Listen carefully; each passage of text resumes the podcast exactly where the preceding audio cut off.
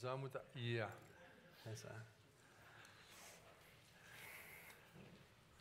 Dat is weer even geleden. Ik ben blij dat ik hier uh, terug mag zijn. De laatste keer was in de tent buiten.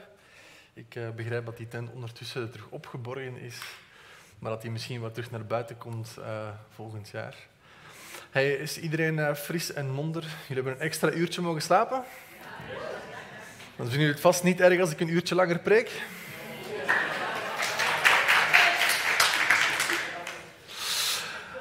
Amai. Um, voor de mensen van de Beamer, zouden jullie even die tekst terug willen opzetten? Dit is wat mijn kerk behoort te zijn. Dat kleine stukje uit dat lied dat we net gezongen hebben. Um, ik, um, ik heb deze ochtend... Ik, is er iemand die deze ochtend graag de vader wil blij maken? Dat is een voorzichtige ja. Iemand die de vader wil blij maken. Ik zie iemand anders. Dankjewel. Francesco is aan het dansen achter zijn.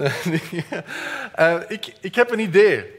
Uh, in, in het Nieuwe Testament, Matthäus 13, Marcus 4, zegt Jezus: Het is het plezier van mijn vader om jullie de sleutels van het koninkrijk te overhandigen. Je ziet dat ik hier een, een redelijk grote sleutelbos heb. Eh, de meeste van deze sleutels zijn van mijn kerkgebouw in Wezenbeek-Oppem, net naast uh, Brussel. Ik heb de sleutel van de voordeur hier, de sleutel van de jeugdruimte. ik heb hier de sleutel van zelfs het mengpaneel dat apart open moet gemaakt worden. Dan heb ik nog de sleutels van de schuur. En ik heb de sleutels van de andere schuur ook. En dan heb ik nog een sleutel van de keuken. En dat is niet alles. Ik weet ook in het gebouw zelf Weet ik waar de sleutels liggen voor de opbergruimte waar al het eten staat? Dat is een belangrijke sleutel.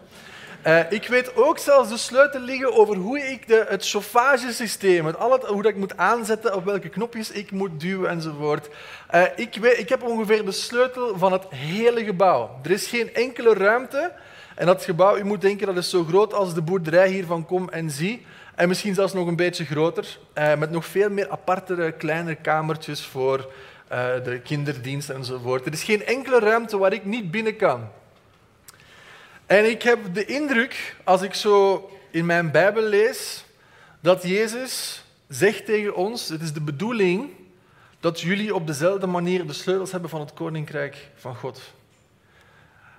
En ik denk dat we daar even moeten bij stilstaan deze ochtend, dat Jezus zegt: Het is het plezier van de Vader om ons die sleutels te overhandigen. In een andere evangelie staat er: het plezier van mijn vader om de geheimenissen van het koninkrijk te openbaren. Wanneer is de laatste keer dat u bent gaan zitten en had u tijd met God opgenomen en zegt: God, wat is de volgende sleutel die u graag aan mij of aan ons zou willen geven? Dat is een beetje de insteek van deze ochtend. Wat zijn nu die sleutels van het koninkrijk? die Jezus aan ons wilt geven. Ik denk dat de meeste, en ik, ik ga gewoon naar beneden, dat, dat podium is toch niet echt iets voor mij ook niet. Ik ben groot genoeg, jullie zien mij. Hè, met mijn 1,96 meter. Vooraf, ik, elke keer als ik hier kom, is er wel iemand die zegt van hoe groot zet jij eigenlijk? Um, nu weten jullie het allemaal, 1,96 meter. Is, is, heeft er iemand mijn kwadrant gemist? Sommigen onder jullie denken, oh, daar is die Belg weer met zijn kwadrant. Maak u geen zorgen. Uh, we gaan het, ik, ik, wil nadenken over die sleutels van het koninkrijk, maar ik wil dat doen via een alternatieve manier. Ik wil dat doen op een alternatieve manier. We gaan, we gaan iemand uit het, het centrum hier van de Schinnen, misschien eerder een, een, generatie Z, iemand van jullie leeftijd. Gaan we, hoe oud ben jij? 15. Oké, we gaan iemand van 15 jaar ergens hier uit Schinnen of de buurt gaan we uit zijn omgeving halen. En we gaan die, oké, dat is misschien een beetje intimiderend, maar we gaan die hier in de kerk brengen en we gaan die een Bijbel geven. En we gaan aan die jonge man vragen, lees nu eens Matthäus, Marcus, Lucas en Johannes. En dan gaan we die persoon, uw denkbeeldige vriend, even, 15 jaar, wij gaan die vier vragen stellen. Waarom is Jezus gekomen? Wat heeft Jezus gedaan? Hoe heeft hij dat gedaan? En wie is Jezus? Vier vragen. En de insteek achter die vragen is, en dat is voor mij het woord van het jaar. Ik heb het gevoel dat God dat tegen, in september tegen mij gesproken heeft. Uh, het woord voor mij voor dit jaar is metanoia. Als we dan toch naar een Grieks restaurant gaan, Rijn, dan kunnen we even goed een Grieks woord erbij nemen. Het woord van het jaar is metanoia. Wat is metanoia? Metanoia is het woord in het Grieks dat wij vertalen als bekering. Uh, maar in onze kerkelijke kringen hebben wij daar, dat, dat, is niet het juiste woord eigenlijk. Het, het kan, metanoia kan bekering zijn, zoals wij dat zien, want iemand geeft zijn hartje aan Jezus en gaat dan achter Jezus aan, als een soort van eenmalige deal die je met God sluit, van nu ben ik bekeerd en nu begint mijn nieuwe leven. Dat kan dat zijn en dat is waarschijnlijk ook een stukje ervan, maar metanoia gaat verder. Meta is zeg maar de verandering en noia is het, de gedachte of, het, of de, de, de gezindheid zelfs. Dat gaat niet zozeer alleen maar over de hersenen, maar ook over het hart. Het is een complete verandering van gezindheid. Metanoia wordt in het tegenwoordig zou je het eigenlijk bijna kunnen vertalen voor degenen die wat thuis zijn in de psychologie enzovoort als een paradigma shift. Een paradigma, dat zijn de kaders waardoor wij naar het leven kijken. Dat is ons wereldbeeld, zeg maar. Dat is een paradigma. En een shift is een verandering. Dus een totale verandering van hoe wij de realiteit ervaren en hoe dat wij God ervaren, hoe dat wij relaties ervaren. Een complete metanoia, een makeover, een renovatie. Of hoe het is de algemene afleiding van wat u denkt, om dat samen te brengen met hoe God denkt. Niet ergens in het midden samenkomen. U maakt de overstap van waar u bent en hoe u beleeft en kijkt en denkt. En u gaat helemaal u aflijnen met hoe de Vader denkt en kijkt en ziet en voelt en beleeft. Dat is het idee van metanoia. En we gaan dat doen aan de hand van uw denkbeeldige vriend, 15 jaar. We geven die de vier evangeliën en we vragen, waarom is Jezus gekomen? Soms wordt dat een beetje moeilijk voor ons als christenen, omdat wij zo gewend zijn in die kerkelijke omgeving te zitten. Maar ik ben ervan overtuigd dat als wij, we gaan die Jeffrey noemen, als we aan Jeffrey, uw denkbeeldige vriend Jeffrey, vragen waarom is Jezus gekomen, dat hij iets zou zeggen in de aard van, ik weet niet wat dat is met uw Jezus, maar die heeft het constant over een koninkrijk. Die heeft het over een koninkrijk als die aan het uh, aan het prediken is. Die heeft het over een koninkrijk als die demonen aan het uitdrijven is. Een beetje freaky. Uh, die heeft over het, uh, het koninkrijk als hij zijn, zijn, leerlingen erop uitstuurt. Hij is constant bezig. Um, hij zegt, en als, als Jeffrey goed is in wiskunde en hij houdt tel bij, dan gaat hij merken dat meer dan honderd keer gaat Jezus over het koninkrijk spreken. En dat zijn er vier evangeliën. In Matthäus alleen al zitten we rond de vijftig. En dan wordt het koninkrijk der hemelen genoemd in de andere drie het koninkrijk van God. Het gaat over hetzelfde. Ik weet niet wat dat is met die Jezus, maar het gaat altijd over een koninkrijk. Zelfs als hij bidt, dan zegt hij van onze Vader die in de hemel is, heilig is uw naam, uw koninkrijk komen.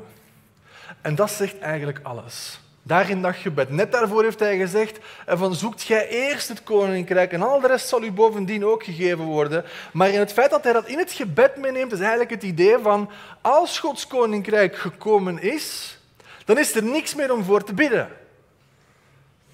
We zijn aanbeland in een megacrisis of crisissen, zeker in de westerse wereld, gaande van de pandemie en de economische crisis en weet ik veel, de, de supply chain crisis en alles wat er in de krant elke dag naar voren, met mentale gezondheidscrisis, alles soorten. Maar het koninkrijk van God is dan de permanente oplossing voor elk menselijk probleem en het ultiem antwoord voor elk menselijk verlangen. Ik ga dat nog eens zeggen, gewoon dat je mee bent. Het koninkrijk van God is de permanente oplossing voor elk menselijk probleem en het ultiem antwoord op elk van uw verlangens in uw hart. Daarom, het is de, het, het, grote plaatje. Er is niets groter in, in het hoofd van Jezus. Dit is waarvoor hij gekomen is, voor de realisatie van Gods koninkrijk hier op aarde. Dankjewel, Jeffrey. Uh, Jeffrey, wat, wat heeft Jezus dan gedaan om het koninkrijk van God te realiseren? Wat, wat ik, weet niet wat dat is met uw Jezus, maar die spreekt constant over een koninkrijk en die is altijd onderweg met zijn discipelen. Dat woord komt van het Grieks mathetes, dat is leerling. Jezus heeft leerlingen. Die heeft altijd twaalf leerlingen met zich. En die zijn altijd waar hij is. Zeker die uh, Johannes en Jacobus en Petrus, die drie, die pakt hij zelfs mee op de berg van de transfiguratie. Maar die kleine groep is altijd bij hem. Uh, Jeffrey doet even de statistiek en de analyse en ziet ongeveer 80% van Jezus zijn tijd gaat naar die twaalf. En dat woord discipelen, ik ben blij dat je het vraagt, 250 keer wordt dat in het Nieuwe Testament genoemd. Dat is, eigenlijk ligt het zo voor de hand. Als je gewoon het Nieuwe Testament leest, dan zijn er twee dingen die direct duidelijk zijn. Dat zijn deze twee. Eender welke 15-jarige met het Nieuwe Testament die niks van Jezus kent, niks van God, niks van kerk, niks van Heilige Geest, niks van weet ik veel wat, en die leest die vier evangeliën, volgens mij zou die zonder problemen op deze twee conclusies komen. Daar kun je bijna niet naast kijken. Oké. Okay. Heel even iets over dit. Het sociologisch genie van Jezus om, en nog, dat zit eigenlijk ook in die 80 procent, iemand heeft dat berekend, als je kijkt naar alle ontmoetingen, alle dingen met Jezus, 80 procent van zijn tijd ging naar die twaalf. Omdat, en, en zeker nadat, naarmate zijn ten tijd vordert, blijft Jezus steeds meer weg van de massa's. Uh, de massa's die hem al vanaf Johannes 6 de rug toekeren en vandaar eigenlijk ja, dat wordt steeds een, een moeilijker geval tot op het moment dat ze hem willen lynchen. Kruisig hem, kruisig hem. Um, hij zegt, nee, nee, die twaalf is alles wat ik nodig heb. Een klein beetje gist doet het deeg reizen. ik heb maar een paar mensen nodig. Een paar mensen die helemaal vergeven zijn van die mindset van het Koninkrijk van God, die helemaal gemetanoiad zijn in die nieuwe manier van denken en die nieuwe manier van doen. Ik heb maar twaalf nodig. En vanaf daaruit vertrekt die trein. En zo'n 250 jaar later, dat is 20 miljoen, de meest conservatieve schatting, 20 miljoen christenen in het Romeinse Rijk voor het jaar 300 na Christus. Recenter in China hebben we waarschijnlijk nog iets zotter gezien. Vanaf 1980, 85 ergens daar begonnen tot en met nu. In 1980 waren er iets van een 500.000 tot maximum miljoen christenen in China. Vandaag, volgens de meest conservatieve schattingen, rond de 120, 130 miljoen. Dat zijn de conservatieve schattingen. De meer realistische schattingen zijn waarschijnlijk rond de 170, 180 miljoen. Dat is bijna 1 op 6 Chinezen. Is christen. Ondergronds. Hoe hebben die dat gedaan? Op 40 jaar tijd.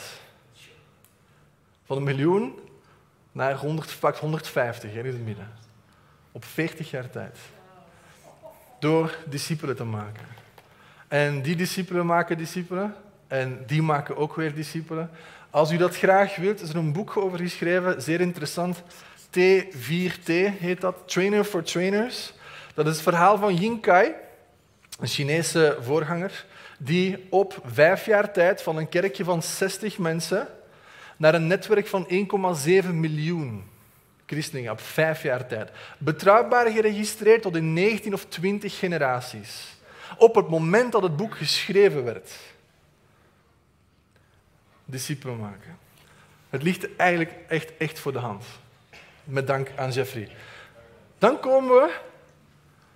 Uh, die hoe, daar gaan we misschien vandaag nog ook toe komen, maar ik wil me eigenlijk vooral hierop focussen. Wie is Jezus? En dit is een, niet per se een moeilijker ding, maar het heeft een aantal moeilijkere consequenties. In die zin, uh, wie is Jezus? Uh, uiteindelijk is het heel simpel. Je gaat altijd kijken wie Jezus is. En als je dat weet, dan weet je ook wie wij zijn. Dus de vraag is dubbel. Wie is Jezus, maar ook wie zijn zijn volgelingen? Ja? Uh, bijvoorbeeld, Jezus is de Zoon van God. En omdat hij de Zoon van God is, en dat hij is de eerste van vele broeders en zusters, zijn wij de zonen en de dochters. er staat dat Jezus de wijnstok is. Als hij de wijnstok is, dan zijn wij de Dankjewel, dank je. Er staat dat Jezus de goede herder is. Als hij de herder is, dan zijn wij de... Ja, ik denk dat jullie het begrijpen. Ja. Uh, we gaan door. Uh, er staat ook dat hij, uh, wat gaan we nog hebben? Dat hij het hoofd is, dus zijn wij het. Yes. En ik wil deze ochtend op een aantal dingen concentreren. Zometeen ga ik er nog eentje bij zetten. Ehm, de wie. Kijk, hier komen we een moeilijk geval, want Jezus, ehm, wij, wij, zien onszelf als de kerk, juist. Dat, dat voelen wij als de identiteit. Jezus, de Zoon van God. En de, maar wie zijn wij dan? Wij zijn de kerk. En nu komt Jeffrey op een probleem. Want Jeffrey die leest de vier evangeliën door. En in al die vier evangeliën wordt het woord kerk twee keer genoemd.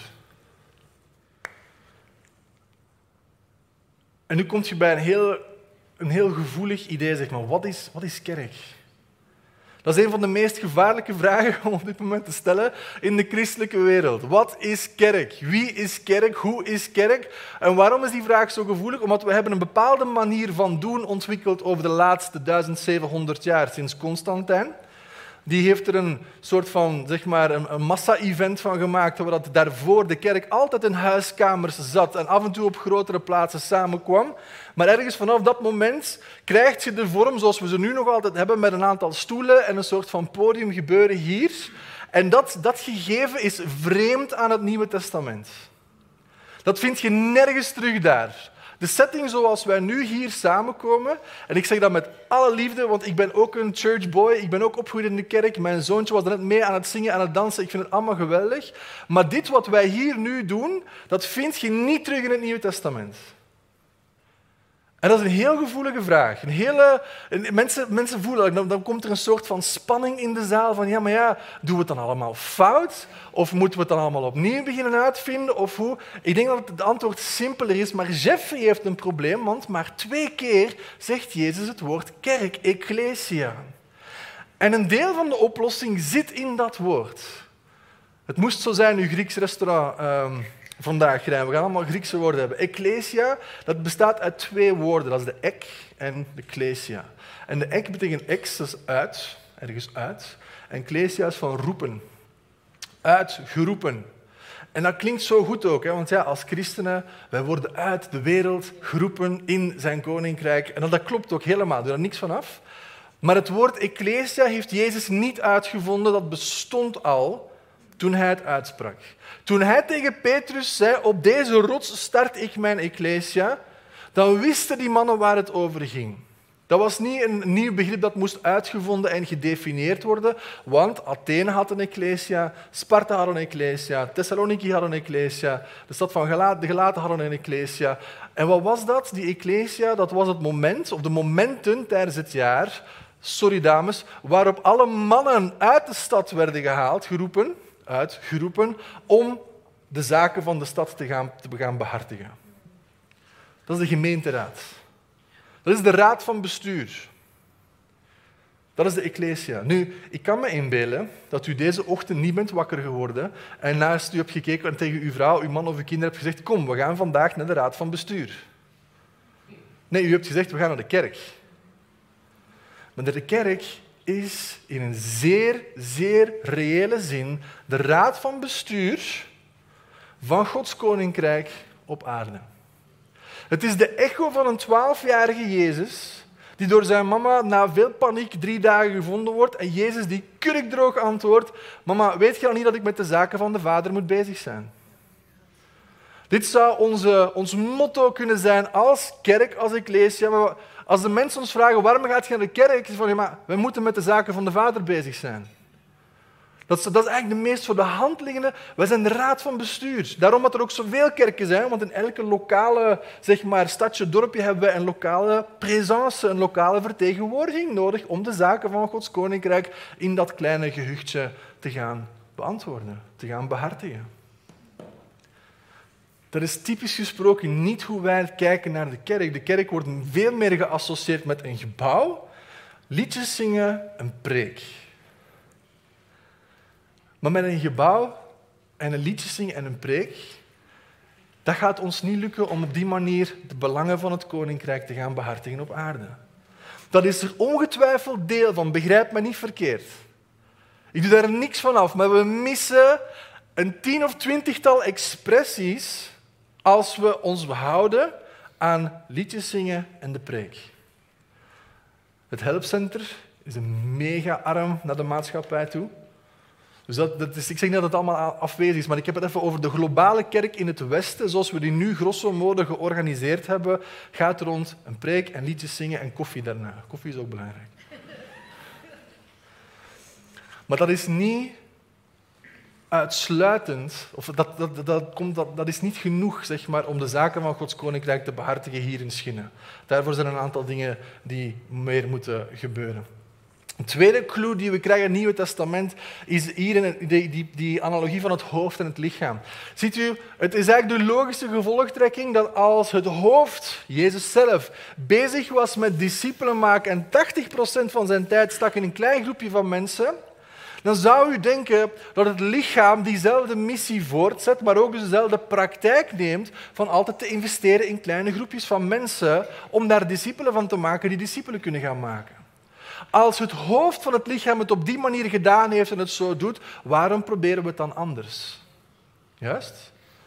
Dat is confronterend, want het is typisch gesproken niet hoe dat wij de dingen doen of organiseren. Ik hoop dat u lid bent van een huisgroep.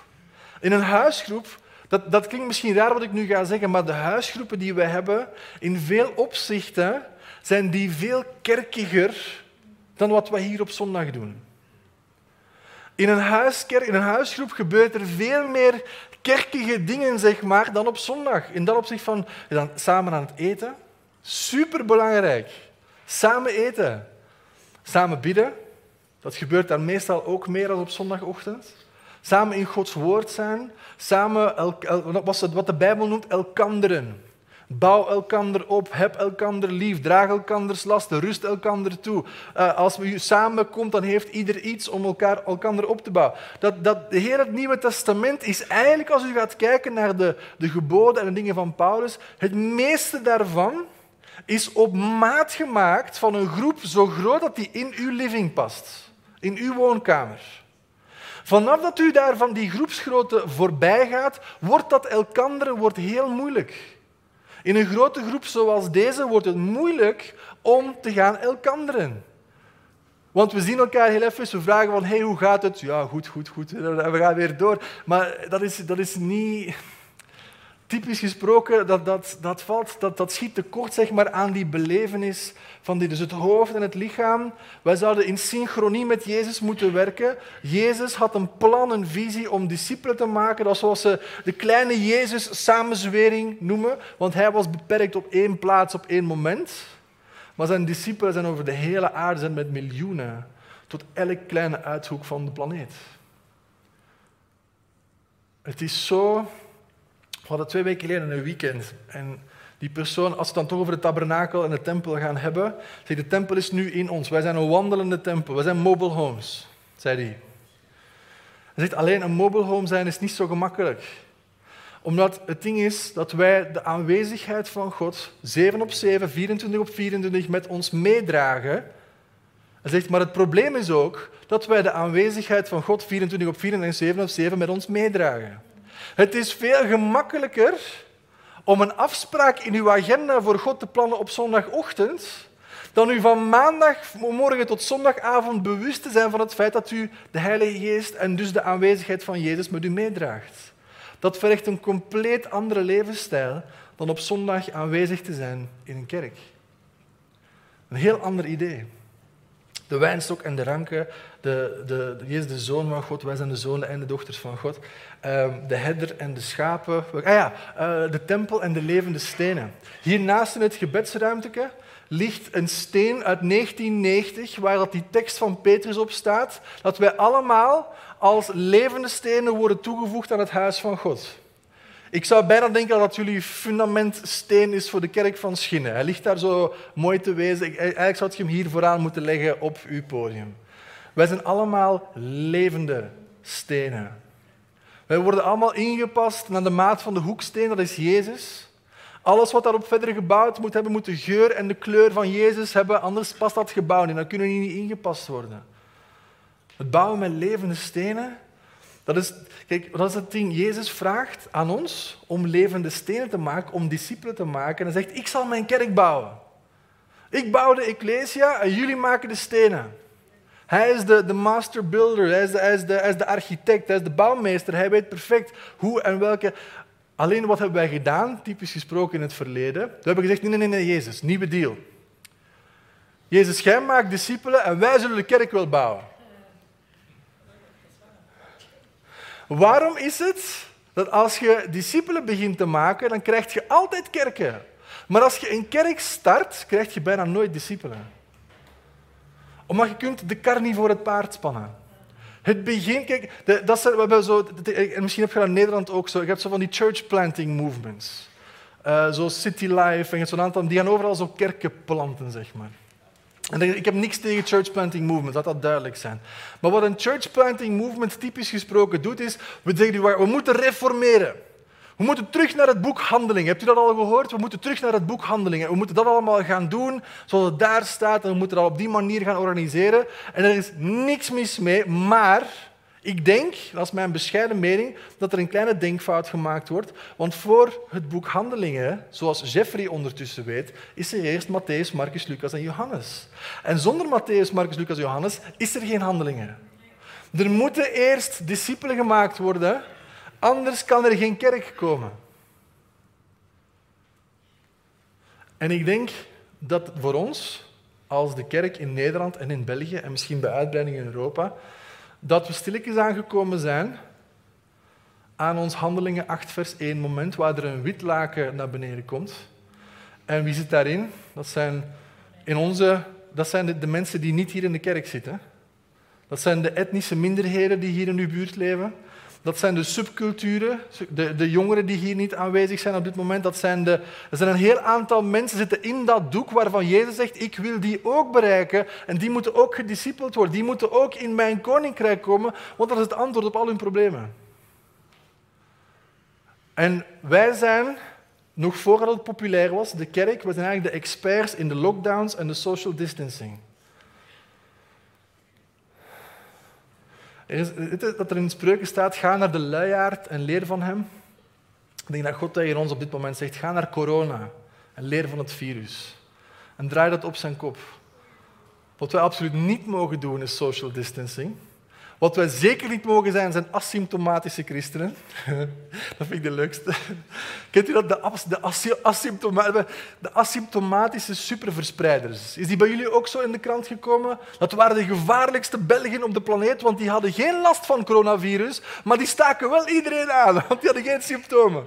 Ik denk dat wij als christenen te vaak asymptomatische... We hebben geen, we hebben geen symptomen. Zie, als de mensen naar ons leven kijken, zien ze dan Jezus? Ik hoop het ook. Ik hoop het ook. Als de mensen naar ons kijken, we hebben juist nood aan die superverspreiders. Mensen die iedereen beniezen en behoesten. Om het even mooi plastisch te maken. Omdat wij hebben een beter verhaal, lieve mensen. En ik heb nog nooit een tijd in mijn leven gezien waar er zoveel angst is. Ik, heb het, ik weet hoe het in Nederland is, maar in België leven we op dit moment een collectieve angstpsychose. Mensen zeggen, ik betaal voor die derde prik als het mag. Ze zeggen, ik wil terug naar de lockdowns. Al die mondmaskers overal, iedereen verplicht gevaccineerd. Mensen leven ongelooflijk. Ik heb nog nooit op deze manier gezien. We hebben een beter verhaal. Het laatste wat ik met jullie wil delen, maar dat is gevaarlijk als een, als een je weet dat, een predikant, dat, kan, dat, dat, dat betekent niks, hè? dat weet u. Hè? Als een predikant zegt het laatste en hiermee ga ik afsluiten, dan kan het perfect nog altijd een half uur of drie kwartier duren, dat weet u natuurlijk. Als Jezus is de bruidegom. Voilà.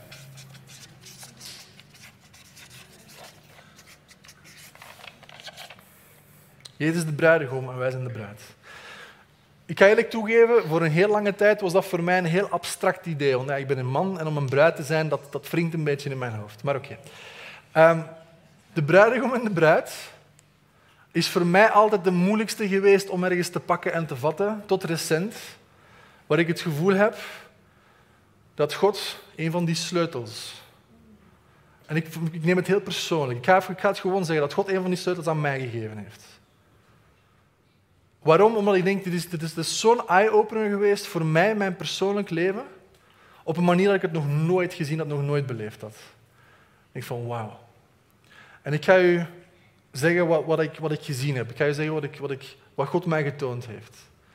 De eerste keer dat ik ermee in aanraking kwam, zie, dat is het ding. U kan, kan naar het Oude Testament gaan terugtraceren waar het idee vandaan komt van de bruid en de bruidegom. U vindt daar een stukje van terug in Hosea, waar dat Hosea met een prostituee moet trouwen. Daar zit al een hele hoop symboliek in. U vindt het terug in het verhaal van Boas en Ruth, ongelooflijk mooi, waar een heidense Ruth, die heidense bruid, bij Boas komt. En die dan zijn eh, de kinsman redeemer, de, de, de familieverlosser wordt. Een supermooi verhaal. Maar de eerste keer dat het mij opviel was in, in, van alle plaatsen in de Bijbel, Genesis 24. daar hebt u het verhaal waarin Abraham, een ongenaamde dienstknecht, we weten, niet wie dat, we weten wel wie het is, maar zijn naam wordt niet genoemd, in heel het hoofdstuk niet, uitstuurt om een bruid te gaan halen voor Isaac. Dat is waar het verhaal over gaat. Het is een mooi verhaal, maar alles klopt. Wat daar op microniveau gebeurt met Abraham, het is Eliezer trouwens, die ongenaam, naam wordt nergens genoemd. Abraham, Eliezer, de bruid, Rebecca en Isaac. Wat daar op microniveau gebeurt, is op dit moment op macroniveau over de hele aarde aan het gebeuren, waar de Vader de Heilige Geest heeft uitgestuurd voor een bruid voor Jezus. Wij zijn Rebecca in het verhaal. U zou het verhaal eens opnieuw moeten lezen. Een aantal dingen die meteen opvallen. Waarom wordt die naam van die dienstknecht nooit genoemd? Jezus zegt, op het moment dat ik u de Heilige Geest geef, zal hij niet uit eigen naam spreken, maar wat ik hem te geven heeft, dat zal hij spreken. Waarom komt Rebecca daar mee met Eliezer zonder dat, zij Jezus, zonder dat zij Isaac ooit gezien heeft? Er is een echo in het Nieuwe Testament naar Thomas, waar Jezus zegt, jij gelooft omdat je gezien hebt. Maar zalig zij die niet gezien hebben en toch geloven. Dat zijn wij. Wij gaan net zoals Rebecca, gaan wij mee op weg naar Jezus, ook al hebben we hem nooit gezien. En het is liefde op het eerste gezicht. Het eerste, dat is een van de enige voorbeelden, en geloof mij, ik moet soms spreken op een huwelijk. Dat is een van de moeilijkste dingen ever. Waarom? Er zijn weinig voorbeelden van goede huwelijken in de Bijbel. Abraham, Sarah, niet echt. Simpson en Delila, zeker niet. Je kan de lijst lang maken, er zijn weinig voorbeelden van goede, sterke, gezonde huwelijken. Maar, maar van Isaac en Rebecca staat er, Isaac zag haar en had haar lief. Dat is het originele Hollywood-sprookje van Love at First Sight daar in Genesis 24. Maar toen kwam het, toen kwam het, voor mij toch, omdat ik dacht van nee, nee, we moeten nog verder teruggaan in de Bijbel om te begrijpen wat dat is om de bruidegom en de bruid, wat dat, wat dat precies aan de gang is. In Genesis 2, als God klaar is met heel de schepping te maken, hij heeft over alles gezegd, het is goed, het is goed, het is goed, het is heel goed zelfs. Genesis 1 is gedaan en dan begint Genesis 2. En dan worden alle dieren voor Adam gebracht. En Adam moet die een naam geven. En dan staat er, maar voor Adam werd geen helper gevonden. Dus zegt God, ik ga hem een helper maken die bij hem past. En dan doet hij Adam in een diepe uh, narcose, de anesthesie, uh, om dan de chirurgie, de zijkant open te maken, om daar een vrouw uit te maken. En dan krijgt u, net nadat na de operatie klaar is, wordt Adam wakker. En dan ziet u het mooiste, of het eerste, misschien niet het mooiste, want dat is redelijk plastisch. Um, het, een, een, het, eerste gedicht van een man aan een vrouw, of het eerste lied zelfs. Het is niet heel poëtisch, niet heel romantisch. Dus er is nu bloed van mijn bloed en beenderen van mijn beenderen. Zij zal vrouw genoemd worden, want uit de man is zij genomen. Misschien niet wat u wilt horen, dames, als een eerste lied, maar oké. En dan krijgt u daarna het instituut van het huwelijk. Daarom zal een man zijn ouders verlaten en zijn vrouw aanhangen en de twee zullen één zijn. Hetzelfde als in Genesis 24. Wat dat daar op, op microniveau gebeurt, is, 2000, of is wacht, hoe lang? Uh, eh, 4000 jaar later op macroniveau gebeurt. Alsof er een moment is geweest dat de vader gezegd heeft: Het is niet goed voor mijn zoon om alleen te zijn. Ik ga hem een helper maken, een bruid die bij hem past. En op dezelfde manier op het moment zoals Adam in slaap gaat, op, Jezus wordt om negen uur s ochtends gekruisigd en om drie uur na de middag is hij dood. En ze willen de beenderen breken, want de Sabbat gaat beginnen en het moet allemaal een beetje sneller gaan. Maar dan komen ze bij Jezus en hij is al dood. En wat doen ze? Ze maken zijn zijkant open. Ze steken een speer in zijn zij op het moment dat hij al in slaap is. En drie dagen later is de kerk geboren. Dit is nu bloed van zijn bloed en beenderen van zijn beenderen. Zij zal kerk genoemd worden, want uit Christus is zij genomen.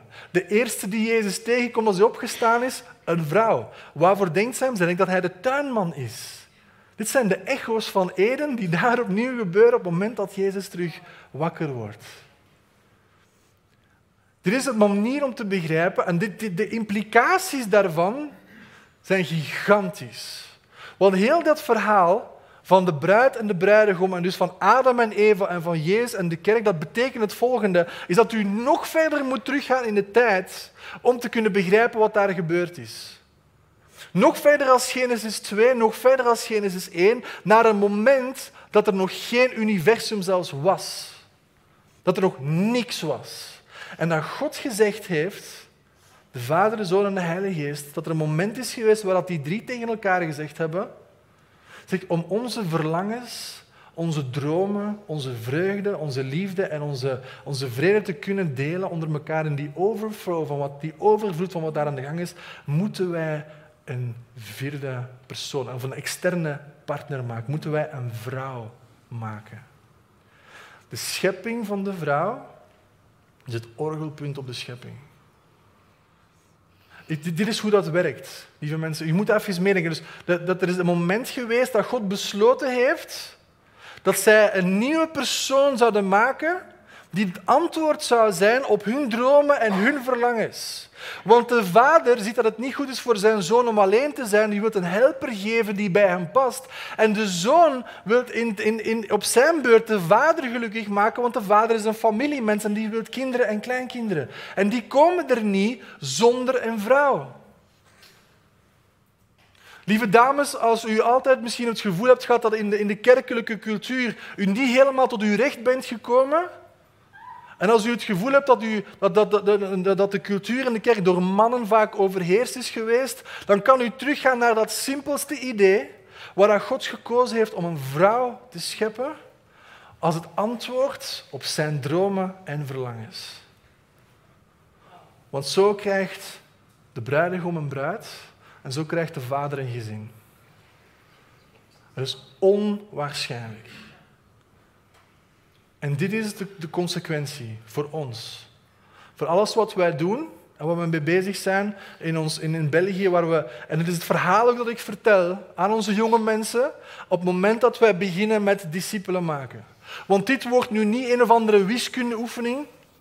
Dit wordt niet een, een, een, sport van kom, we gaan vermenigvuldigen. Nee, nee. Met elke discipel die wij maken, weten wij dat de familie van de vader uitgebreid wordt en dat de bruid van Jezus meer compleet wordt. En de reden waarom hij nog niet is teruggekomen, is omdat zijn bruid nog niet compleet is.